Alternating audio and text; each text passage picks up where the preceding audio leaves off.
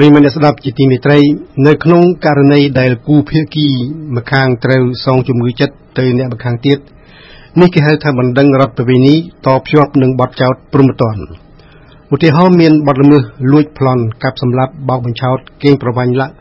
ពិរុទ្ធជននៅក្នុងករណីនីមួយៗមិនត្រឹមតែទទួលទណ្ឌកម្មជាប់ពន្ធនាគារប៉ុណ្ណោះទេ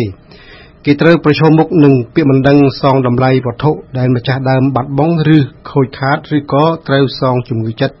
ជំងឺកាយដែលត្រូវបានអក្រិតជនញោមញីព្យាបាទធ្វើឲ្យរបួសនិងពិការក៏ប៉ុន្តែសូមកុំភ្លេចថាតុលាការអាចវិនិច្ឆ័យឲ្យសងជំងឺចិត្តតែពាក់កណ្ដាលថ្លៃឬត្រឹមតែ70%ប៉ុណ្ណោះប្រសិនបើជនរងគ្រោះមានការធ្វេសប្រហែសឬបានប្រព្រឹត្តកំហុសណាមួយដោយផ្ទាល់ខ្លួនរួចហើយ ក៏ត្រូវបានពិរុទ្ធជនបង្ក្រប់បន្ថែមគ្រោះថ្នាក់នេះឲ្យពេញទំហឹងតែម្ដងនោះ Sans vouloir faire une chronique juridique voire judiciaire force est de constater que les cas d'espèce varient en fonction des circonstances du vol de l'escroquerie, du viol, etc. Sachant qu'en matière de dédommagement relevant de l'affaire civile pure, le principe est le partage de la responsabilité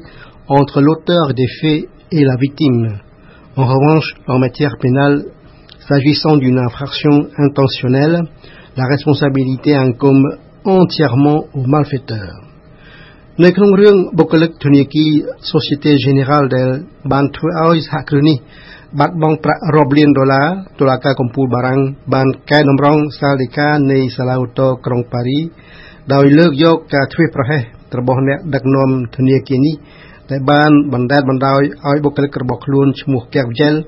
ដកយកលុយតាមប្រព័ន្ធអ៊ីនធឺណិតទៅភ្នាល់ទិញដូរតាមសេវាហិរញ្ញវត្ថុធ្វើបិទគេបានដឹងថាកែវជែលធ្លាប់ភ្នាល់ចាញ់ជាច្រើនលើកច្រើនគ្រារួចមកហើយក្តីក្នុងករណីនេះតុលាការបានវិនិច្ឆ័យសេចក្តីថាធនាគារដែលជាអ្នកទទួលរងគ្រោះបង្ខាត់ប្រាក់ត្រូវតែរ៉ាប់រងថ្មបាក់នេះមួយចំណែកផងដែរ Justement, Dans l'exemple ci-dessus cité, l'on ne saurait répondre à la question à qui profite le crime? Quoi qu'il en soit, dans l'affaire Kerviel contre Société Générale, l'on relève l'existence des fautes commises par la banque, fautes ayant concouru au développement de la fraude et à ses conséquences financières. Il est dès lors logique que lorsque plusieurs fautes ont concouru à la réalisation du dommage, la responsabilité respective de leurs auteurs sera retenue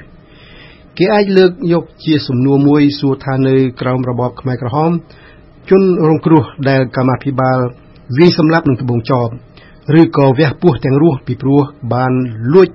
បាយរបស់សមូហភាពឬក៏លួចបេះផ្លែដូងពោតពេញប៉ោះរបស់សហគមន៍ គាត់មានចំណែកទទួលខុសក្នុងនាមជាចៅលួចអង្ការដែរឬទេតុលាការស្រួលវិនិច្ឆ័យសេចក្តីណាស់ក្នុងករណីនេះទោះបីច្បាប់ដ៏ព្រៃផ្សៃនៃរបបខ្មែរក្រហមចែងមក ថាឲ្យមានទោសប្រហារជីវិតក្តីរបបណាដែលបងអត់អាហារប្រជាជនរបបនោះបានប្រព្រឹត្តនៅអក្រិតកម្មដែលផ្ទុយនឹងច្បាប់ធម្មជាតិម្យ៉ាងវិញទៀតការចាំបាច់ដែលជាភាពនៃអ្វីទាំងអស់ ដែលគេត្រូវការខានមិនបានដើម្បីឲ្យជីវិតរស់ដោយក្នុងករណីលួចផ្លែឈើនេះជាអាចប្រសិនបើចាត់ទុកអង្គការខ្មែរក្រហមថាជាម៉ែឪឪពុកម្ដាយណាដែលសម្លាប់កូនឯងយ៉ាងដូចនេះមានទោសធ្ងន់ហៅថាគុរុទោសគឺទោសដែលខុសនឹងគ្រូរបស់ខ្លួន គ្រូគឺច្បាប់ធម្មជាតិនេះឯង En effet, quand bien même aux yeux d'Anka, les gens eurent commis une faute, elle était en soi révélatrice de la faute des hauts dirigeants. Celle-ci précédait cela si l'on se place dans le contexte de l'époque en essayant de comprendre la politique des Khmer rouges. Leur faute est caractérisée par le manquement manifestement délibéré au devoir de protection de la population. Il s'agit du devoir de prudence. L'absence ou la privation volontaire de la nourriture est une imprudence criminelle. នៅពេលធ្វើដំណើរពីទីក្រុងកែបមករាជធានីភ្នំពេញវិញ នៅភូមិត្រពាំងខ្យងឃុំអង្គភ្នំតូចខេត្តកំពតត្រង់ចំណុចស្ដាំដៃដែលមានដាក់ផ្លាកឆ្មបមធ្យមផ្លូវរថយន្តត្រង់ស្មោះប៉ុន្តែមានរថយន្តឆ្អឹងដឹកទំនិញមួយបត់ឆ្វេងគឺឆ្លងផ្លូវពីឆ្វេងទៅស្ដាំសំដៅទៅផ្ទះគាត់ រថយន្តនេះមានចង្កូតស្ដាំខុសគេភ្លាមនោះអ្នកបើកបរក៏ជន់ហ្វ្រាំងឈប់កណ្ដាលផ្លូវអស់3វិនាទីទើបបន្តលបឿនក្តាមរបស់រថយន្តប្រភេទនេះកើមកើមចូលទម្លាក់ខ្លួនខាងក្រោយផ្ទះពីព្រោះអំពើរបស់គាត់បានធ្វើឲ្យរថយន្តដែលនៅពីក្រោយចម្ងាយ30ម៉ែត្ររេចង្កូតគេចពីឆ្វេងទៅស្ដាំដើម្បីជៀសពីវៀងពីគ្រោះថ្នាក់ហើយក៏បានត្រឹមតែបែកកញ្ចក់សម្រាប់មើលទៅក្រោយខាងឆ្វេងដៃកំហុស របស់រថយន្តចង្កូតស្ដាំមួយនេះគឺ100%តែម្ដងតាមសម្ដីអ្នកភូមិគេថាកន្លែងនេះធ្លាប់មានគ្រោះថ្នាក់ស្លាប់ប៉ុន្តែមិនដឹងថាវាបណ្ដាលមកពីរថយន្តឆ្អឹងចង្កូតស្ដាំនេះដែរឬទេ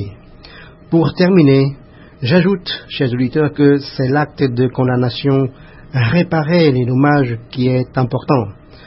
La sauvabilité de l'accusé ne doit pas entrer en ligne de compte dans la tête du juge, qui n'est pas, lui, comptable des deniers du coupable. Merci d'avoir écouté, chers auditeurs. Au revoir et à bientôt.